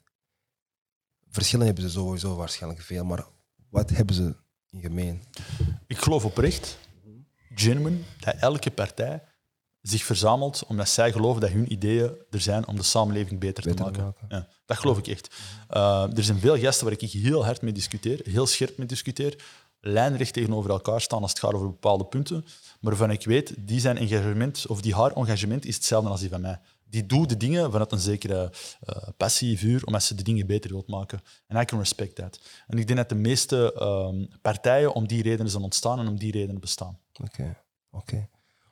Ehm, ja, er zijn verschillende partijen die een beeld hebben gekregen. Allee, een, ja, een beeld hebben gekregen. Dat is gewoon Frans. En ik ga, nogmaals, ik ga geen partij opnoemen of zo. En ook bij politiek. Als je aan politiek denkt, is het meestal oude mensen. Dat je, allee, is er ook een opkomst van verjonging in de politiek? U bent jong, trouwens. Ça va nog, hè? Young guy. maar allee, u, u begrijpt wat ik bedoel. Ook gewoon als je die debatten kijkt, dan nou, joh, misschien is hij wel 50, misschien is hij wel 55. Ja, Maar nooit is dat, allee, precies, nooit is dat iemand van 25 of zo. bijvoorbeeld. Ja, ja, ja. Het eerste punt dat je aanraakt is belangrijk, want ehm, toen ik dus voor de eerste keer binnenkwam in het Vlaamse parlement, ik vroeg me altijd af, ik heb al eens een keer tegen u gezegd, Tim, denk ik, eh, ik vroeg me altijd af, voordat ik in de politiek zat, man, je ziet toch dat er verschillende dingen fout lopen in de stad als het gaat over, I don't know, discriminatie, racisme. Hoe, waarom, hoe komt dat bij deze debatten al jaren zijn ontvoeren? Waarom gebeurt er niks? Ik kom in dat Vlaamse parlement, er zitten 124 man, pak dat een helft, bij wijze van spreken, of de overgrote deel van die mannen zijn juristen, dezelfde opleiding. Het overgrote deel van die mensen komen niet uit een grootstad, maar komen uit gemeentes en plekken waar ze een andere ervaring hebben. En ik ben de enige gast met migratieroutes. Dus ehm, eh, het punt daarin is dat eh, dingen veranderen niet, omdat de leefwerelden van de mensen die er zitten niet de leefwerelden zijn van elke Vlaming. Er zit een, er zit een scheeftrekking. En als jij zegt van ik kijk naar daar en ik zie vooral oude mensen, dan is dat voor een stuk het antwoord daarop. Het is macht die volksvertegenwoordiger, dat is wat er op mijn kaartje staat, dat is representing the people, People, het, ja, het volk vertegenwoordigen. Maar dan moeten mensen van het volk zijn die dat doen en niet een bepaald deel van het volk die altijd die posities inneemt. Ehm, en dat is op dit moment nog een scheeftrekking, vind ik. Maar tegelijkertijd vind ik wel dat de afgelopen zes jaar er wel mooie inhaalbewegingen zijn gemaakt. Ehm, ik zie jonge mensen met veel talent, people of color, maar ook eh, ehm, de andere mensen en, eh, met heel veel talent bij alle partijen opkomen. En mijn droom is, en dat is steeds meer werkelijkheid aan het worden, om aan tafel te zitten met mensen, I don't know, different ethnicities, en te discussiëren over zware dingen, maar niet per se over diversiteit of racisme, maar over de begroting, over staatshervorming, over uh, INEOS, over eh, de haven van Antwerpen, I don't know, over andere dingen. En dat zit er steeds meer aan te komen. Het punt moet gewoon komen dat we dat woord niet meer in de mond moeten nemen, maar dat het gewoon kan zijn. Ja, daar ben ik met u eens, maar ik ben het ook niet eens met mensen, ik zeg niet dat jij dat zegt, hè, die zeggen van ja, but uh, I don't see color, I just see people. Nee, uh, you gotta see color, but it doesn't have to have a negative connotation or a political load to it anymore. Het moet gewoon naast elkaar staan. Ja. Het, is, het is een deel van wie dat ik ben en van wie dat veel mensen zijn, maar het moet geen issue meer zijn. Oké. Ja. Ben ik het ook mee eens hoor. Een belangrijk punt, racisme. Ja. En u hebt ook mijn stories gezien, zoals u hebt gezegd. Wordt dat besproken? Maar niet, allee, eerlijk gezegd, ik, allee, nogmaals, ik weet dat niet, ik ben daar niet, maar we zien, allee, ik zie dat niet, dat dat besproken wordt. En, en wat ik ook bij u heb gezien, denk ik, Chris Jackson, Mahmoud Abdul Rauf, Ja. kneeling, allee, actually ja. opkomen voor wat jij staat en zo. Ja. Atleten doen dat ook in Amerika bijvoorbeeld. Black Lives Matter, they kill George Floyd, we all gonna make a type of statement. Colin Kaepernick, he's gonna kneel. Maar hier in België bijvoorbeeld, weten we gaan meer protesteren wanneer, dit, wanneer er iets gebeurt in Amerika. George Floyd is gaan sterven, ja, bless his soul. Maar we hebben zitten te protesteren hier op Groenplaats. Hmm. Maar dat is na, I mean, dat is true dat ik dat zo ga zeggen, maar dat is niet een probleem die hier in België is. Ja. Racisme wordt hier bijna nooit. Dus, dus, dus zijn verschillende dingen die je aanhaalt. Ehm, en ik wil daar een paar dingen over zeggen en dan uw vraag over, Ja. wordt er over gesproken in het parlement. First of all, the American struggle and the struggle that we're having here. Ik vind het echt belangrijk om te zeggen, it's a different struggle. Wij zijn solidair met elkaar. Wij staan naast elkaar met de strijd tegen onderdrukking en discriminatie en racisme overal één en dezelfde strijd is. Maar it's a different story. Historisch gezien en, en struggle van Afro-Americans in, in de Verenigde Staten, it's deep. Ja. It's deep. Dat hele systeem is voor een stuk ontworpen om mensen uit te sluiten en onder de knie te houden. Ehm, dus ongelooflijk veel respect ook voor bijvoorbeeld een competitie. En we hebben het nu al een paar keer over basketbal gehad. Als een NBA die daar echt een belangrijke rol op neemt. Want het gaat niet alleen maar voor George Floyd, wat nu heel belangrijk Ja. was. Remember Trayvon Martin. Trayvon Martin. Waar eh, de Miami Heat toen met LeBron allemaal met hun hoodies zijn opgekomen. Vond ik een van de sterkste statements dat ik toen heb gezien. Remember eh, Eric Garner, Derrick Rose, die opkomt met zijn t-shirt I Can't Breathe. En een Ja, paar andere spelers die dat doen. Dus dat vind, ik, dat vind ik heel cool. Hier in België First of all, je moet respect hebben voor de mensen die al heel lang in antidiscriminatiestrijd zitten. En die mensen zijn al heel lang, al sinds de jaren 90 en de jaren 80. Um, But don't, they don't get the recognition. they don't get the recognition and they're not that um, uh, visible misschien ook. Hè? Maar dan heb ik het over hand in hand. Uh, heb ik het over samenlevingsopbouw. Heb ik het over trailblazers die echt al heel, heel lang proberen de weg voor te bereiden en die strijd te voeren, maar die misschien te weinig gehoord werden. Hè? Mhm. Maar die zijn er wel en die hebben heel veel belangrijke dingen gedaan. Mensen vanuit het civiel middenveld, like Omar Ba en zo. Dat zijn gasten die echt uh, heel hard en heel veel werk hebben gedaan onder de waterlijn. Um, nu, vandaag de dag, uh, en de situatie is veranderd, omdat 20, 30 jaar geleden, people were minorities. En dan was er nog een verhaal van, ja, oké, okay, maar uh, je moet je gewoon aanpassen aan de meerderheid en zo en zo. En, en dat. Mijn generatie zegt, nee, nee, ik ben hier geboren en getogen. En dit gaat over mijn stad, mijn samenleving, en ik wil die mee vormgeven, net zoals uh, iedereen anders. En de toekomstige generatie is nog luider en nog meer meer. Omdat dat is gewoon wat het is. Antwerpen is altijd al een poort op de wereld geweest, heb ik gezegd. Een poort naar de wereld. En is dat vandaag zeker. Het DNA van onze stad heeft, heeft wortels al uitgekomen. Dus die thema's worden steeds meer top of mind en worden steeds top of bill. Steeds meer top of bill. Um, het probleem is dat parlementen daar nog niet in volgen. Wordt er veel over gediscuteerd. Heel veel van mijn collega's gaan tegen u zeggen, ja, te veel. En ik zeg tegen u te weinig. Te weinig.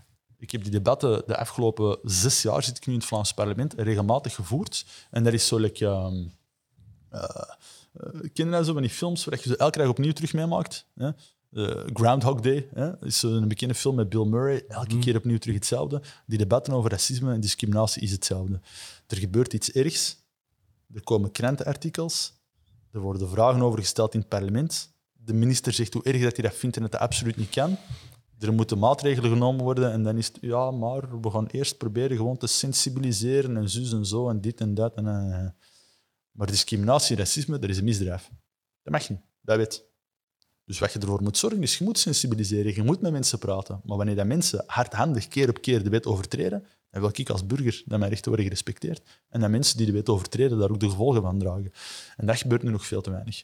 Waardoor dat je nu um, in een soort van ja, situatie zit waar iedereen weet dat dat bestaat, iedereen weet dat dat niet kan, maar er te lang te weinig aan is gedaan. Um, maar het wordt wel steeds meer bespreekbaar en er worden wel stappen vooruit gezet. But it's going way too slow. Too slow and is not visible nee. enough. Nee, want bijvoorbeeld, ja, er wordt nu werk gemaakt in verschillende steden over praktijktesten en zo en zo en dat en dat. En er is een werk geweest van jaren trekken, sleuren, duwen, debatten, debatten, debatten, debatten. En als politieker kan ik zeggen, ja, we hebben de afgelopen zeven jaar stappen vooruit gezet. We hadden er veel meer kunnen zetten, maar we hebben wel stappen vooruit gezet. Waarbij heeft iemand eraan die de afgelopen zeven jaar vijf, zes keer een appartement is gaan huren en te horen heeft gekregen: Ja, uh, pff, sorry, Mohamed, uh, er is geen plaats meer. En die ziet letterlijk, als hij dat stuurt met een andere naam, uh, Rick, dat er dan wel plots plek is. En dat is een. Ja, dat is inderdaad. Um, u representeert natuurlijk Groen, fractieleider. Wat houdt dat exact in? Fractieleider in Antwerpen wil zeggen dat je. Um, ja, we hebben een fractie van elf man. En dat je die gewoon mee aanstuurt, dat je die coacht, dat je die uh, een beetje kapitein op het veld. Um, dat je zorgt dat die allemaal zo goed mogelijk hun werk kunnen doen. Kunnen doen uh, dat die de beste versie van zichzelf zijn. Maar ook dat je met het gezicht bent van Groen in Antwerpen. Dat je de hoofddebatten voert, dat je tegenover de burgemeester um, uh, zet, met je eigen ideeën debatten aangaat. Um, en het idee en het beeld dat we hebben van een groene stad, van hoe dat ik die zie, sociaal, ecologisch en al die dingen die erbij houden, dat je daar gewoon een van de ambassadeurs mee bent. Hoe staat u dan tegenover de LEZ? Ik vind dat een goed idee, maar als er nog meer sociale flankerende maatregelen kunnen komen. Dus u, u vindt eigenlijk geen probleem dat het, allee, jij mocht hier niet binnen, maar if you pay such a such amount, mocht jij wel binnen. Dat is, Ja. nog, dat is toch nog steeds? Dat is een stupid thing. Ja. Dat is, want wat je daarmee creëert is, um, voor een stuk, if you have money, it's not a problem. Uh, and if you don't have money, you're screwed. En wat is het probleem? Ik zeg het, ik ben er juist nu met de fiets en de tram naar hier gekomen. Uh, maar als ik eruit zeg, Antwerpen is een dorp, in, een dorp met, met wereldallures. Hè. Ehm, wij zijn echt niet zo groot. Als jij gaat naar het buitenland, of jij gaat gewoon naar Brussel, of jij gaat naar het buitenland, en jij ziet metro, tram, busnetwerken, eerlijk, hoe moeilijk kan dat zijn om van Borgerhout naar Linkeroever te gaan? Hoe moeilijk kan dat zijn om van Borgerhout, waar ik woon, naar mijn ouders in Hoboken te gaan? Als ik nu van Borgerhout naar Hoboken wil gaan met de tram, moet ik één keer overstappen. En ben ik 40 minuten onderweg of 45 minuten onderweg. Als ik de bus wil nemen, 45 minuten onderweg. Oude bussen, oude trams, versleten, jij kunt er niet op rekenen. Fietsinfrastructuur is niet goed genoeg. Uh, deelmobiliteit is bijna onbestaande. Dus wat je doet, is je een LEZ aan het invoeren, wat ik goed vind. Waarom vind je dat goed? Een, een LEZ, dat wil zeggen, heel vervuilende wagens mogen niet meer in de stad binnen. Omdat de mensen die het meest last hebben van vervuilende lucht, zijn vaak de meest sociaal kwetsbare mensen in de stad andere mensen die gewoon in leuke buurten wonen, waar ze een tuin hebben en een park hebben. En mensen die dat niet hebben, ja, die wonen in woonblokken, waar veel vaak autowegen ernaast zijn. en die, die, die, they're inhaling that, ja. Dus ik vind dat een goede zaak. Ik vind dat een stad adem, moet kunnen ademen. Maar je kunt niet zeggen een stad moet kunnen ademen en dan geen alternatieven voorzien. Want dan zijn die mensen gewoon aan het straffen. Dus een LZ moet altijd hand in hand gaan met goed openbaar vervoer, alternatieven van deelmobiliteit uh, en zorgen dat iedereen makkelijk overal kan geraken. Oké. Waarvoor staat Groen eigenlijk? Wat is, uh, wat is jullie visie, zou ik zeggen? Want ja, ik heb dat, ik heb dat wel gelezen en zo, maar ik wil dat wel vanuit u. Ja. Want gewoon, wat, wat is jullie visie? Voor mij is Groen um, een partij die, als je ziet, um, de, er zijn problemen in de samenleving, heel wat problemen. Of het dan nu gaat over mobiliteit, onderwijs, mm samenleving, discriminatie. Wij willen oplossingen die duurzaam zijn. Duurzaam is een woord dat mensen heel vaak op ons plakje. Uh, en, en wat ik daarmee wil zeggen is, ik wil oplossingen die nu werken, maar die op lange termijn gaan werken. Die mensen vooruit helpen, die ook nadenken aan de komende generaties. Ik wil geen easy, korte oplossingen die nu een jaar of twee iedereen blij maken, maar ik weet dat we binnen twee, drie, vier jaar terug opnieuw moeten gaan nadenken. Dus duurzaamheid, ervoor zorgen dat je de wereld die je nu krijgt, dat je die beter achterlaat voor degenen die na ons komen. En dat, Ga je alles oplossen? Natuurlijk niet. We hebben twee handen, twee voeten, 24 uur op een dag. We gaan niet alles kunnen oplossen. Maar we moeten die wel beter achterlaten voor de generaties die na ons komen. En dat is de basisfilosofie die ik hanteer in alle problemen die wij proberen te tackelen. Mhm. En als dat dan bijvoorbeeld gaat over, over, eh, over mobiliteit, hè, eh, omdat je het er juist over had, ja, dan wil ik een, een, mobiliteit in een stad die ervoor zorgt dat mijn kinderen en de kinderen die na ons komen, en ik heb er zelfs nog geen, uh, dat die, dat die, dat die makkelijk van A naar B kunnen geraken op een manier die niet vervuilend is, geen mhm. impact heeft op je longen. En iedereen, ongeacht of dat je oud, jong bent, financieel krachtig, financieel minder krachtig, overal vlotjes doe, doe van punt A naar punt B geraken onderwijs. Ik wil dat we een onderwijssysteem hebben waar mensen op basis van kinderen, op basis van hun capaciteiten, niet op basis van hun achternaam of op basis van hun ouders hebben gestudeerd, alle kansen krijgen en zichzelf kunnen ontwikkelen. Um, dus alles past binnen die redenering voor een stuk. Kan groen, groen blijven. Omdat de thema's die je nu aanhaalt, andere partijen maken daar nu nog niet echt um, een prioriteit van, maar dat lijken mij gewoon logische thema's in functie van het leven. Mhm. Op een gegeven moment gaan zij zich ook moeten bezighouden met duurzaamheid mhm. en mobiliteit binnen de stad en, en een veel groenere samenleving bouwen. Mhm. Daar moeten wij gewoon naartoe. Als zij die thema's ook gaan opnemen, kan groen dan groen blijven. Ja, absoluut, ik denk het wel. Uh, maar trouwens, ik zou dat ook niet als een nederlaag zien. Hè als iedereen uw kernthema, nee, voilà, als iedereen uw kernthema's mee begint te, te, te uh, uh, in ja, het juiste woord ontschaam, maar mee begint over te nemen, voor mij is dat een succes. En we zien dat we daaraan succesvol zijn aan het zijn. Uh, en dat is een heel goede zaak. Wat wij dan moeten doen, is zeggen, wij, wij, wij hebben een heel brede palet van alles wat er gaande is in de samenleving. En we hebben er een bepaalde filosofie. En dat gaat over onderwijs, dat gaat over mobiliteit, dat gaat over arbeidsmarkt, dat ik opvolg in het Vlaams parlement, dat gaat over samenleven. En dat zijn debatten die, uh, die je altijd zult blijven voeren, waar je stappen in vooruit wilt zetten, willen zetten, maar waar geen enkele vrijheid definitief verworven is. Net zoals de vorige generaties hun battles hebben, zullen de generaties na ons hun battle hebben en wij die van ons nu ontvoeren. Um, dus ik maak me daar niet, niet, niet per se zorgen over. Ik, ik, hoop gewoon dat het, hoe meer mensen dat die dingen overnemen, hoe beter. En hoe meer dat je in, in een positive movement in de juiste richting zit aan het gaan. Oké. Okay. Um, meer groen, minder grijs. Mm. Wat bedoelt u ermee? Dat uh, parlementen zoals die uh, eruit zagen, uh, en nu nog voor altijd een stuk uitzagen. Eén, zoals jij zelf aangaf, ja. vaak oudere mensen waren. Twee, allemaal dezelfde soort kostuums aan hadden, grijs of donkerblauw.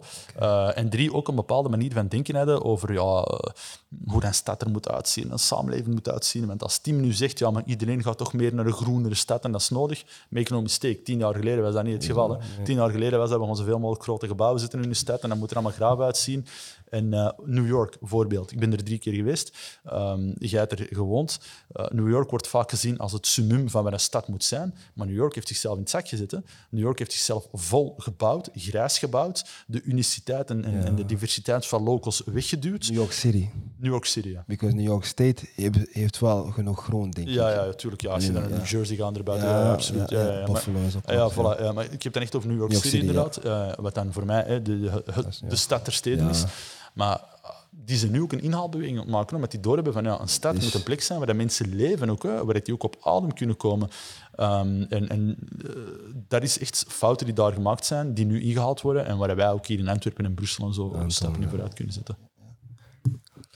Ehm, iemand die vaak op tv komt. Trouwens, ik heb deze aflevering gezien en eh, Flip de Winter, u en nog iemand. En u zei, ja, maar ik ben de enige van Antwerpen. Die mannetjes zijn niet van Antwerpen. En dat vond ik echt geweldig. Ehm Philip de Winter, Ja. u, kent, u kent hem ondertussen persoonlijk, denk ik. En ik wil nog... Allez, ik wil gewoon... Hij heeft een beeld gekregen. Maar u kent hem persoonlijk. Wat vindt u van zijn visie? Dat is een visie die ik eh, met elke vezel in mijn lichaam tot de laatste dag ga bestrijden. Om een heel simpele reden. Kijk, ik ben een democraat. Hè.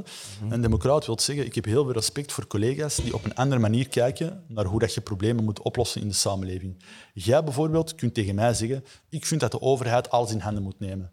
Een team kan tegen mij zeggen, ik vind dat de markt alles in handen moet nemen. En die kan zeggen, oh, ik vind dat dat allebei moet zijn, want dat is een probleem. Waar ik de lijn trek, is waar mensen zeggen, ja, maar nee, het probleem is gewoon Marokkanen. Het probleem zijn Ja. zwarte mensen. Probleem zijn moslims. Want dan zit jij niet meer bezig met hoe dat wij samen problemen kunnen oplossen. En zit jij niet meer bezig over hoe dat we daarover debatteren, maar wij willen wel problemen oplossen. Nee, dan zit jij bezig met mensen tot probleem te herleiden en mensen tegen elkaar op te zetten. En daar trek ik een lijn, want dat is een gevaar voor de democratie. Dan zit je niet meer bezig met een democratisch debat, maar dan is de democratie aan het ondergraven. Dus make no mistake, menselijk heb ik basisrespect voor iedereen. That's how my mommy raised me. Maar ideologisch sta ik lijnrecht tegenover die gasten. Oké. Oké. Ja. En zo is hij ook. Alleen, dat is de. Nogmaals, zijn visie. Mhm. Hij heeft misschien zijn eigen visie, maar inderdaad, als hij zo. Als ik rondrijd, bijvoorbeeld, alleen, Mhm. een paar maanden geleden, misschien een jaar of twee geleden. En dan ziet hij, welkom to Borgeroko of zo. Allee, dat, dat vond ik niet dat dat, dat kon, maar. Ja. Kijk, stel je voor, nu, nu die, die, eh, die pestpartij in die beurs. Right? Blijkbaar is er nog van alles daarna bekend geraakt. Maar laten we gewoon zeggen dat een gast twee kinderen heeft, eh, twee gasten een kind hebben gepest. Maar echt zwaar erover. Ja. Echt degoutant, niet aanvaardbaar.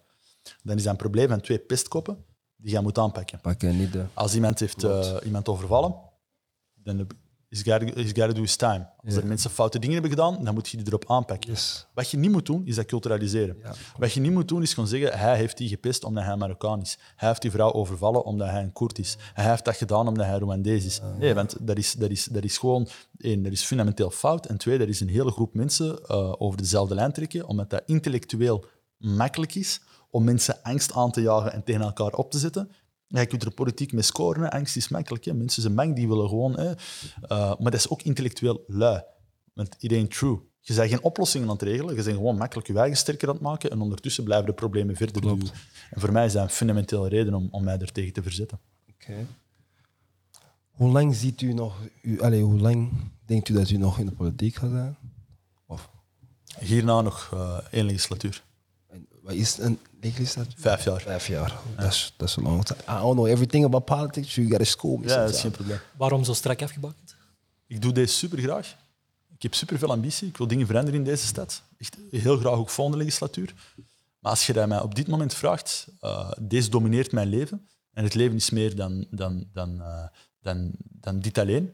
Eh, ik heb mensen die ik graag zie, waar ik veel tijd in wil steken. Er, er, er, is een, er was een interview met Jan Peumans. Jan Peumans is een gast van de NVA, maar echt iemand die ik heel graag heb. Hij was voorzitter van het parlement vorige, vorige legislatuur. En die schreef altijd van die briefjes en zo. Echt goede gast. Eh, en eh, hij is eh, gestopt in 2019. En hij heeft een interview gegeven en hij zei, ja, ik ben nu gestopt op mijn zoveel in de 60. En dat is wel leuk, want nu ben ik terug, nu ben ik terug vaker thuis bij mijn vrouw. Want in 1988, toen ik ben doorgebroken in de politiek, heb ik tegen haar gezegd, je moet niet meer op mij wachten tijdens het avondeten.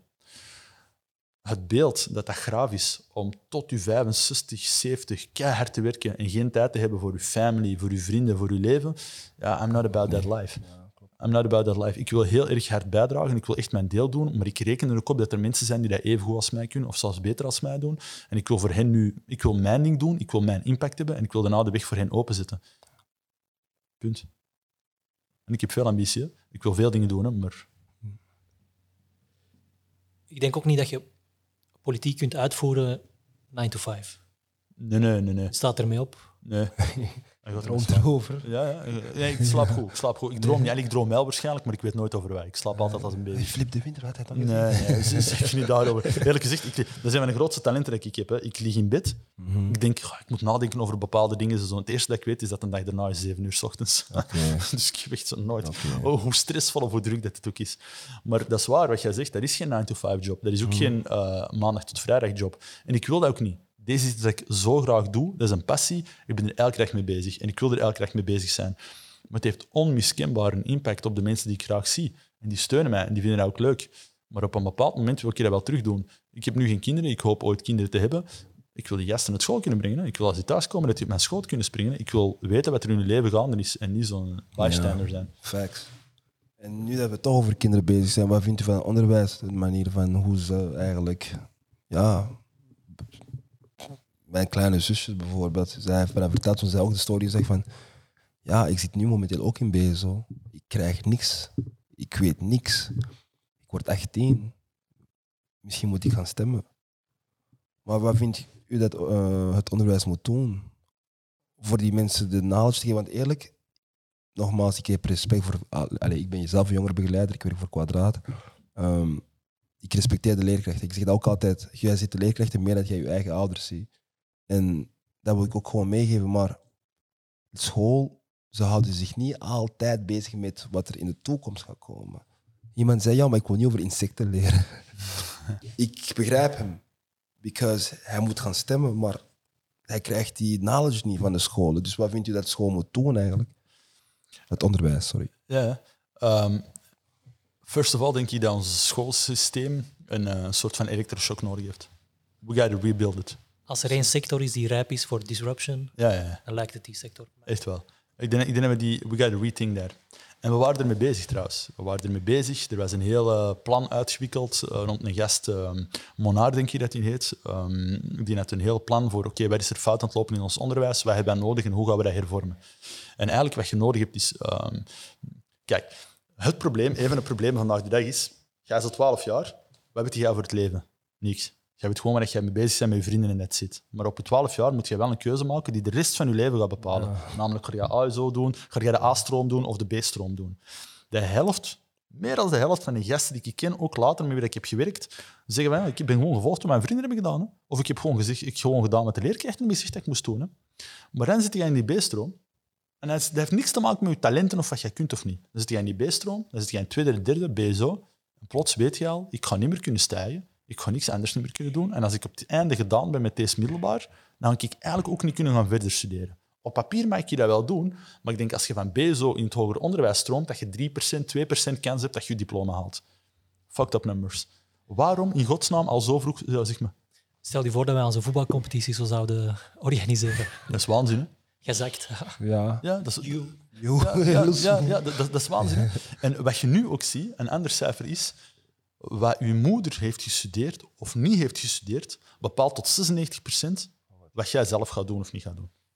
Dus als uw moeder een universitair diploma heeft, you can rest assured dat jij later ook wel een universitair diploma gaat hebben. Dat is toch waanzinnig? Als je met kinderen praat die 12 jaar oud zijn, die ouders hebben die eh, hebben verder gestudeerd, en je vraagt aan hen, wat wil je later doen? Gaan die zeggen studeren. Studeren. Als je dat vraagt aan kinderen die uit een arbeidersklasse komen, dan gaan die zeggen werken. Werken. No, there ain't no problem with that, want zij, zij, zij weerspiegelen wat ze kennen, van thuis uit. Maar een onderwijssysteem moet ervoor zorgen dat niet dat gebeurt, maar die moet ervoor zorgen dat de competenties en de talenten van al die kinderen maximaal benut worden. En dat is niet wat er nu gebeurt. En zoals jij zegt, dat gaat niet over die leerkrachten, want die doen hard hun Ja, best. klopt. Wat mij betreft moeten die meer betaald worden en moeten die beter, moeten die beter opgeleid worden. Dat mag geen hogeschoolopleiding zijn, dat moet voor mij echt een masteropleiding zijn. Moeten die beter betaald worden en beter beschermd worden. Want dat zijn mensen die, die zijn onze toekomst elke dag mee vorm aan het geven. Klopt. Dat is cruciaal. 100%. Maar uw zuster heeft gelijk. Hè.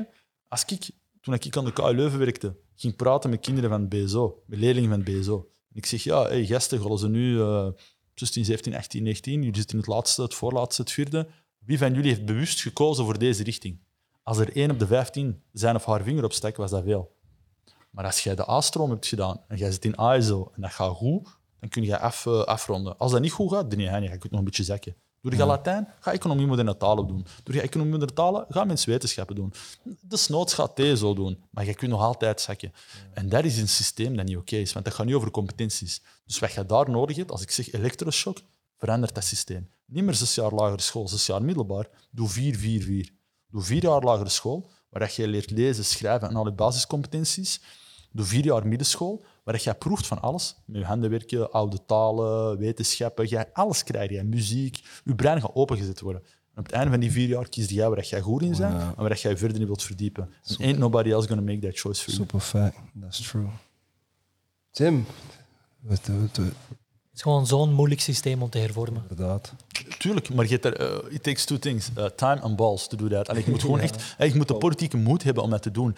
En het probleem is vandaag de dag dat de politieke kracht of de beslissingskracht ligt niet alleen maar bij de politiek, maar ook bij de netten. Je hebt het katholiek onderwijs. Eh, ik ga een voorbeeld geven. Ik heb dus aan de Universiteit van Leuven gewerkt en wat ik toen heb gedaan was heel Vlaanderen rondreizen naar verschillende scholen om daar met leerlingen in gesprek te gaan. Dat was graaf. Ik kwam in Maasijk terecht, Limburg. Limburg. En die hadden daar de zotste campus gebouwd. De zotste campus. Echt eh, technologisch, van die borden ehm, die dan allemaal zo digitaal waren, hè, waar je dan zo op kon schrijven en wegwissen. En hè, superzotte dingen, graaf. Allemaal in glas. Ik was echt legit onder de indruk. Dat was een ASO-school en een TSO-school. De week daarna moet ik hier in Antwerpen in de stad naar een ASO-school gaan, die dezelfde richting aanbiedt. Die muren zijn kapot. Er komt wind binnen langs de ramen. De leeromgeving is helemaal anders. En die leerkrachten moeten krabben om te kunnen geven aan die leerlingen wat die willen. Hoe in godsnaam in een kleine regio als Vlaanderen kun je zo'n verschillen hebben? En het ene is dan in een superdiverse stad en het andere is in Putteke-Mazaak. En dat is ook omdat schoolnetten, ehm katholiek onderwijs, die hebben veel oude gebouwen, die hebben veel, eh, ehm, ja, moet ik het zeggen, die hebben veel eigendom, die hebben veel macht, die hebben veel financiën. Ehm, het stedelijk onderwijs is dan iets anders. Schaf dat af. Die netten zijn niet nodig. Education, ik wil geen eenheidsworst. Er moeten accenten gelegd kunnen worden en zo. Maar die netten zijn niet nodig. Zorg ervoor dat iedereen voldoende middelen kan krijgen om zijn eigen pedagogisch project op te starten. Oh, oké. Mr. Imad. Yes, sir. Nogmaals, eerst vooral nogmaals bedenken. Because you kick some knowledge. En ook voor de mensen die deze gaan zien, hopelijk gaan ze nog een duidelijke beeld krijgen van politiek. Van oké, waar want wat u zei, van ja, politiek, dagelijks leven. Ze beslissen hoeveel postkantoren open gaan. Ze beslissen van de- hoeveel kaaps in je om, eh, omgeving moeten werken, bijvoorbeeld. Subsidies. Dus dat is eigenlijk een goede manier om te laten zien van hoe beïnvloedt politiek ons in het dagelijks leven. En dat is een van de meest belangrijke jewels, vind ik dan. Hè. Maar genoeg over politiek. De meest belangrijke vraag. Ja. Vanaf volgende week ben je GM van de New York Knicks. Oh, Hoe ga je dat doen? Hoe- Wat moet er gebeuren? Uh, dreigtelefoons doen naar Jim Dolan totdat hij weggaat. Ja, Het is all about James Dolan, denk ik. ja Uh, facts. maar uh, hey, je wat het ding is over New York Knicks-fans zijn? Ons optimisme en onze hoop is nooit weg. En om de een of andere reden nu opnieuw met die front office, uh, denk ik echt, ah, misschien zit er wel iets in. Misschien, maar dat is al sinds 1999 dat jullie niks hebben gedaan. Ja, ja. Ja. Niks. Ja, ja, ik weet het, ik weet het, Niks, ik weet het, ja. ik weet het, ja. Nee, dat is waar, dat is waar. Ehm wacht, heb jij niet een playoff run gehad? Nee, playoff run is good. Everybody can playoff run. No, we don't. We don't. Oké, nou ja, dan maar. Allee, 1999 was the most accomplished Ja, year. ja, met ja, almost. Sprewell Ja, ja, en, eh, daarna. En, en- Ja, stik dat jij Er is nog één jaar geweest met Jason Kidd, ehm, J.R. Smith Met Melo en zo. en Mello. Ja. En Wat was dat? Eerste ronde? Eerste ronde? Eerste ronde 4-1, toch? 4-1 Ja, ik denk het. tegen, ik denk Boston of Cavs, een van die twee. ik denk iets verder. De twe- tweede ronde, denk ik. Ik denk tweede ronde 1-4. Hell Maar no. ik, ik, ik durf dat niet laat opzeggen, want misschien is dat gewoon mijn fanhart dat hoopt dat wij Ja, check, check eens even. Google Maar, is our eh, best friend. Maar, maar eerlijk gezegd, nu met die front office, het ding is, uh, je hebt de cap space, je hebt een jonge kern met mogelijkheden en ehm, je hebt... Je, je, er zit wel iets in, maar je gewoon de juiste keuzes moeten maken. Free agency, eh, je gaat weinig zijn, denk ik, volgend jaar, denk ik dan. Er gaat niet veel in zitten. De draft class is deze jaar ook niet zo. Oh ja, er gaat iemand die inzitten die de league gaat veranderen of zoiets. Ehm, maar tegelijkertijd, er gaan kern met. eh, RJ wordt nu al afgeschreven. Ik vind dat te vroeg. Ja. Ik denk dat er wel iets in zit. Mitchell Robinson kan uitgroeien tot een fenomeen in de NBA, maar moet dan veel bulkier worden en moet dan gewoon verstandiger nog worden. Ehm ja, uh, Nilekina, I don't know. Ik wil er zo hard in geloven, maar ondertussen denk ik, ja, hoe lang kun je blijven geloven? Uh, Kevin Knox, I don't believe in him. Maar wat ze nu hebben gedaan met, met heel de training staff, ze hebben iemand binnengehaald die keihard mee heeft samengewerkt in college en die er echt zwaar in gelooft. Ze hebben heel verstandige player developers binnengehaald. Dus hey, ik wil wel eens zien wat dat gaat geven. En ik wil eens zien of dat Mr. Brooklyn. Nee, World Wide West is er. Eh, het, het, het breedste netwerk qua spelers die je kunt hebben in de NBA. Ah, ik ben echt super benieuwd. En over Brooklyn, I got no hate for Brooklyn, maar Brooklyn. nee, nee, blue and orange is the way to go, New York. Het is toch fascinerend hoe hoopvol de New York Knicks Ja, fans ja, ja, waren ja. door de jaren heen. Echt. Maar, maar- Wauw. ja, iedereen blijft dat tegen mij zeggen. You just keep hoping. Maar het ding is, vroeger of later ga ik gelijk krijgen. Ik hoop gewoon vroeger dan later. I hope so. Maar één, um, om 2013 semifinals tegen Ja. de Pacers. Ah, oké, voilà. Dat, dat wist ik zelf niet. Ja, voilà, kijk. Um, nog Dat was wel voor Jason Kidd, denk ik. Of wat dan nog met Jason Kidd? Nee, dat is voor. Dat is, nee, dat is na Jason Kidd, 2013. Hè? Was. Jason Kidd er toen bij? Nee. Vol- Oké, Volgens mij wel. Ja, dat kan wel. 2013? Nee, nee, dat kan wel. Dat kan wel. dat kan wel. nog twee, twee goede vragen. Neem al de tijd. Um, I'm having fun. wie wint er volgens u? De 95-96 Bulls of de 99-2000 Los Angeles Lakers?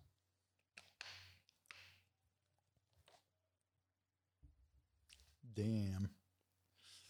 95, 96 Bulls waren wel... Dat is die 72-10, denk ik, als ik me niet vergis. Ah ja, ja niet 97, 98 tegen, tegen Nee, Utah. Nee, nee, 95, nee. oh, de, de Bulls. De Bulls, de Bulls. De Bulls. Ja, ja, ja. Man, MJ, Shaq? MJ was in a mission. Shaq. MJ was in a mission. Who's holding Shaq? MJ was in a mission. nou, nee, echt waar. 95, 96, allee, ik bedoel, dat was een complete different mind state, eh, state of mind voor, eh, voor, eh, voor MJ. hè. Ik denk echt toen dat hij wel hadden gewonnen. Maar ik, dacht, ik, was, ik was aan het twijfelen, omdat ik in mijn hoofd zat met 97, 98 tegen Utah tegen Jazz, Utah Jazz. waar Jordan eigenlijk echt was aan het slepen, omdat hij zoveel minuten moest spelen. Dan denk je dat de Lakers easy hadden gewonnen. Maar ja, hoe hij Shaq, I don't know, je had er een paar heel goede verdedigers. Ra- Rodman, Pippen. Ja, ik bedoel, eh, eerlijk gezegd, Shaq tegen Rodman, ik had dat wel willen zien. hè. Ja, dat is in, in Jordan tegen Kobe. Dat had ik ook zeker willen zien, maar niet de, inderdaad, niet de 99. Jordan Kobe. tegen Kobe heb je gezien, hè? Ja, maar ik bedoel de finals. Dat, Ja, zou, ja, ja. dat zou echt mooi En zijn. Kobe op zijn prime. Prime.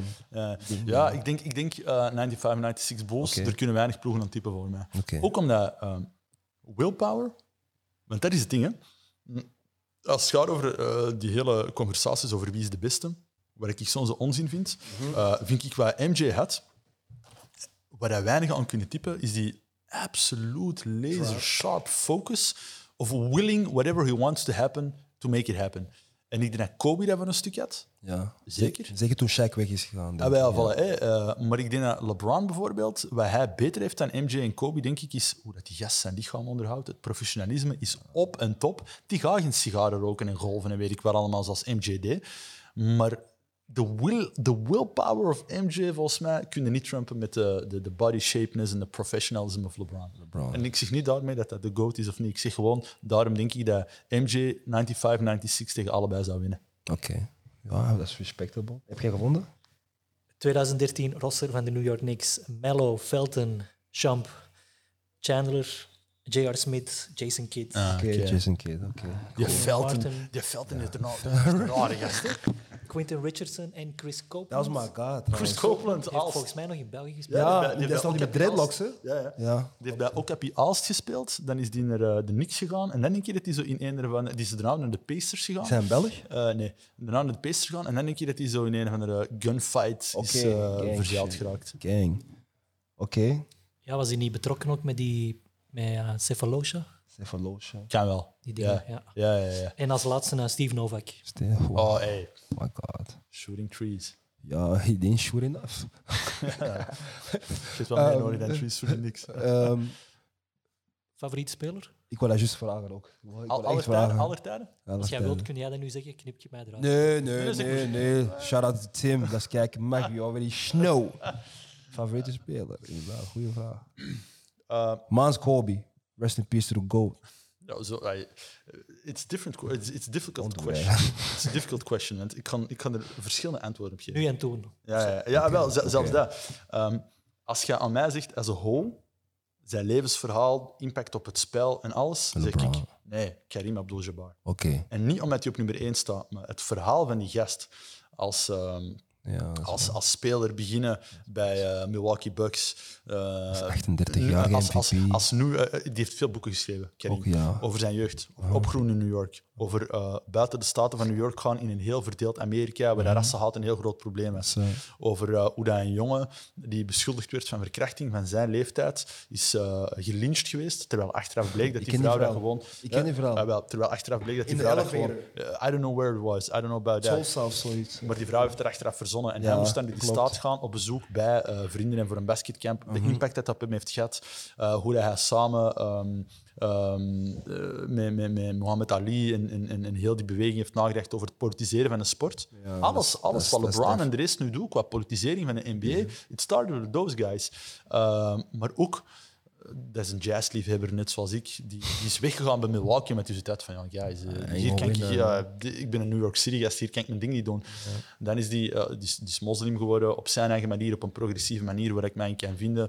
Die, en dan is dat topscorer aller tijden. Aller tijden, klopt. Ik kon met hem relaten omwille van zijn naam, omwille van het spel dat hij speelde, de muziek en zijn politiek.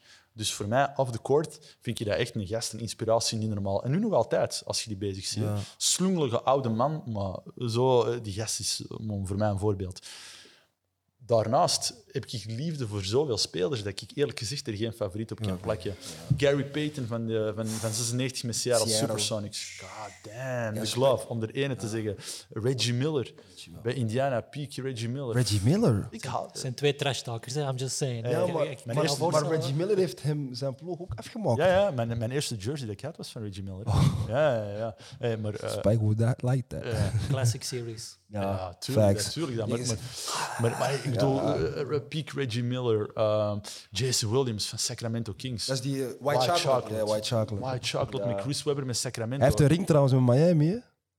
Ja, ja, Ja. Ja, ja, facts. ja, ja. 2006. Eh, ik, ik ben nooit een grote fan. eh, eh, Eddie Jones en Kobe Bryant, die combinatie. Wie? Eddie Jones. Eddie Jones. Eddie Eddie Jones. Ja, Eddie Eddie Jones en. Kobe Bryant, nummer 6 en nummer 8 bij de LA Lakers. Ja. I got love for those. Allen Iverson. Ja, ja, Oh, ik bedoel, zoveel Ja, spelers waar ik mee ben opgegroeid, waar ik zoveel liefde voor heb. Eh, LeBron, nooit een grote fan van geweest. Heel. Heel veel respect, hè, maar nooit een fan van geweest. Beetje lelijk basketbal. Ja, ja. En te veel com- complainen. Ja, dat terzijde, maar het is gewoon niet zo, zo'n streling voor het oog. Nee. als Kobe en Ja. Jordan waren. Ja. op Maar die kan, die, kan, die kan powerplays doen en ik zeg het. het Ja, en hoe dat hij schaakt Ja. op het veld is... Ja, nou, you gotta give some Ja, ja, maar voor mij, he's, he's, he's in a top of, uh, is. those who ever play the game and own the game. Ehm, maar niet op een manier dat, hoe moet ik het zeggen, jij kijkt naar een match jij voelt je nekharen opkomen. Allen Iverson was, Gary Payton was, Eddie, eh, Eddie Jones en Kobe Bryant waren, Jason Williams, my god. Ja, kan- Ehm, Jason Williams dus, zeker. dus dat zijn spelers waar ik wel heel, grote, eh, heel erg hard naar opkeek. Als ik nu kijk naar de league nu, bijvoorbeeld trouwens, de speler die mij ook niet enthousiast maakt, en waar ik heel veel respect voor heb, nee, Kawhi Leonard. Oh ja. Sorry, Kawhi Leonard is echt fenomenaal, maar ik word daar niet show van. Ik denk niemand En hij opnieuw is gewoon heel klinisch, focust. Ja. uitermate efficiënt, maar ook niet...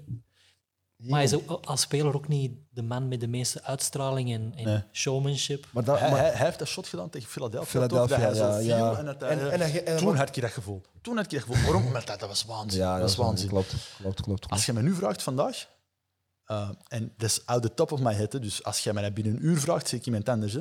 De eerste twee namen die opkomen, Dame Lillard. Oef, Damn. sure. Oh, shit, man. Heb jij die gezien, heb jij die gezien, Dame de- de- de- heb jij die gezien in de bubbel? Time. Die gast, die gast die shoot. Die, I don't care. I'm gonna pull up from... Wat is deze hier? De Maar, maar, maar, maar, maar Curry is nog steeds de lethal Ja, de vraag is, en ik hoop echt dat hij terugkomt voor nog twee, drie goede jaren. Ik hoop gewoon dat Giannis moet naar daar gaan. Giannis moet niet naar de Lakers. Nee, nee, naar de Warriors. Hè? Ja, ik weet het. ja. Maar, want omdat veel mensen zeggen, "Hij moet naar de Lakers. Ja, Hij moet Warriors. niet naar de Lakers gaan. Lakers, hun legacy zit er in, eh, in Anthony Davis. Anthony Davis. Ze gaan er gewoon goed rond moeten bouwen. Anthony Davis verdient het is om de Lakers ja. op sleeptouw te nemen. En hij gaat die mooie momenten geven als ze die goed ombrengen. Klopt. Ehm Giannis moet naar New York. Nou, ga- Warriors, New York. Nee, die moet, hij moet niet naar de Warriors. Hij moet niet naar de Warriors. Weet je waarom? Gewoon door Het zal Miami worden, denk ik. Ik denk het. Wat denk vrees Miami? ook. Holy hoe graaf was Miami trouwens, toen je erover begint? Ja, super.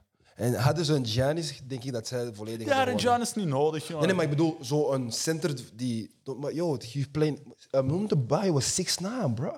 Ik denk gewoon qua, qua mentaliteit en de visie dat zij daar hebben. En zo, Ja, Eerlijk, eerlijk ik denk dat Giannis en Jimmy niet gaan.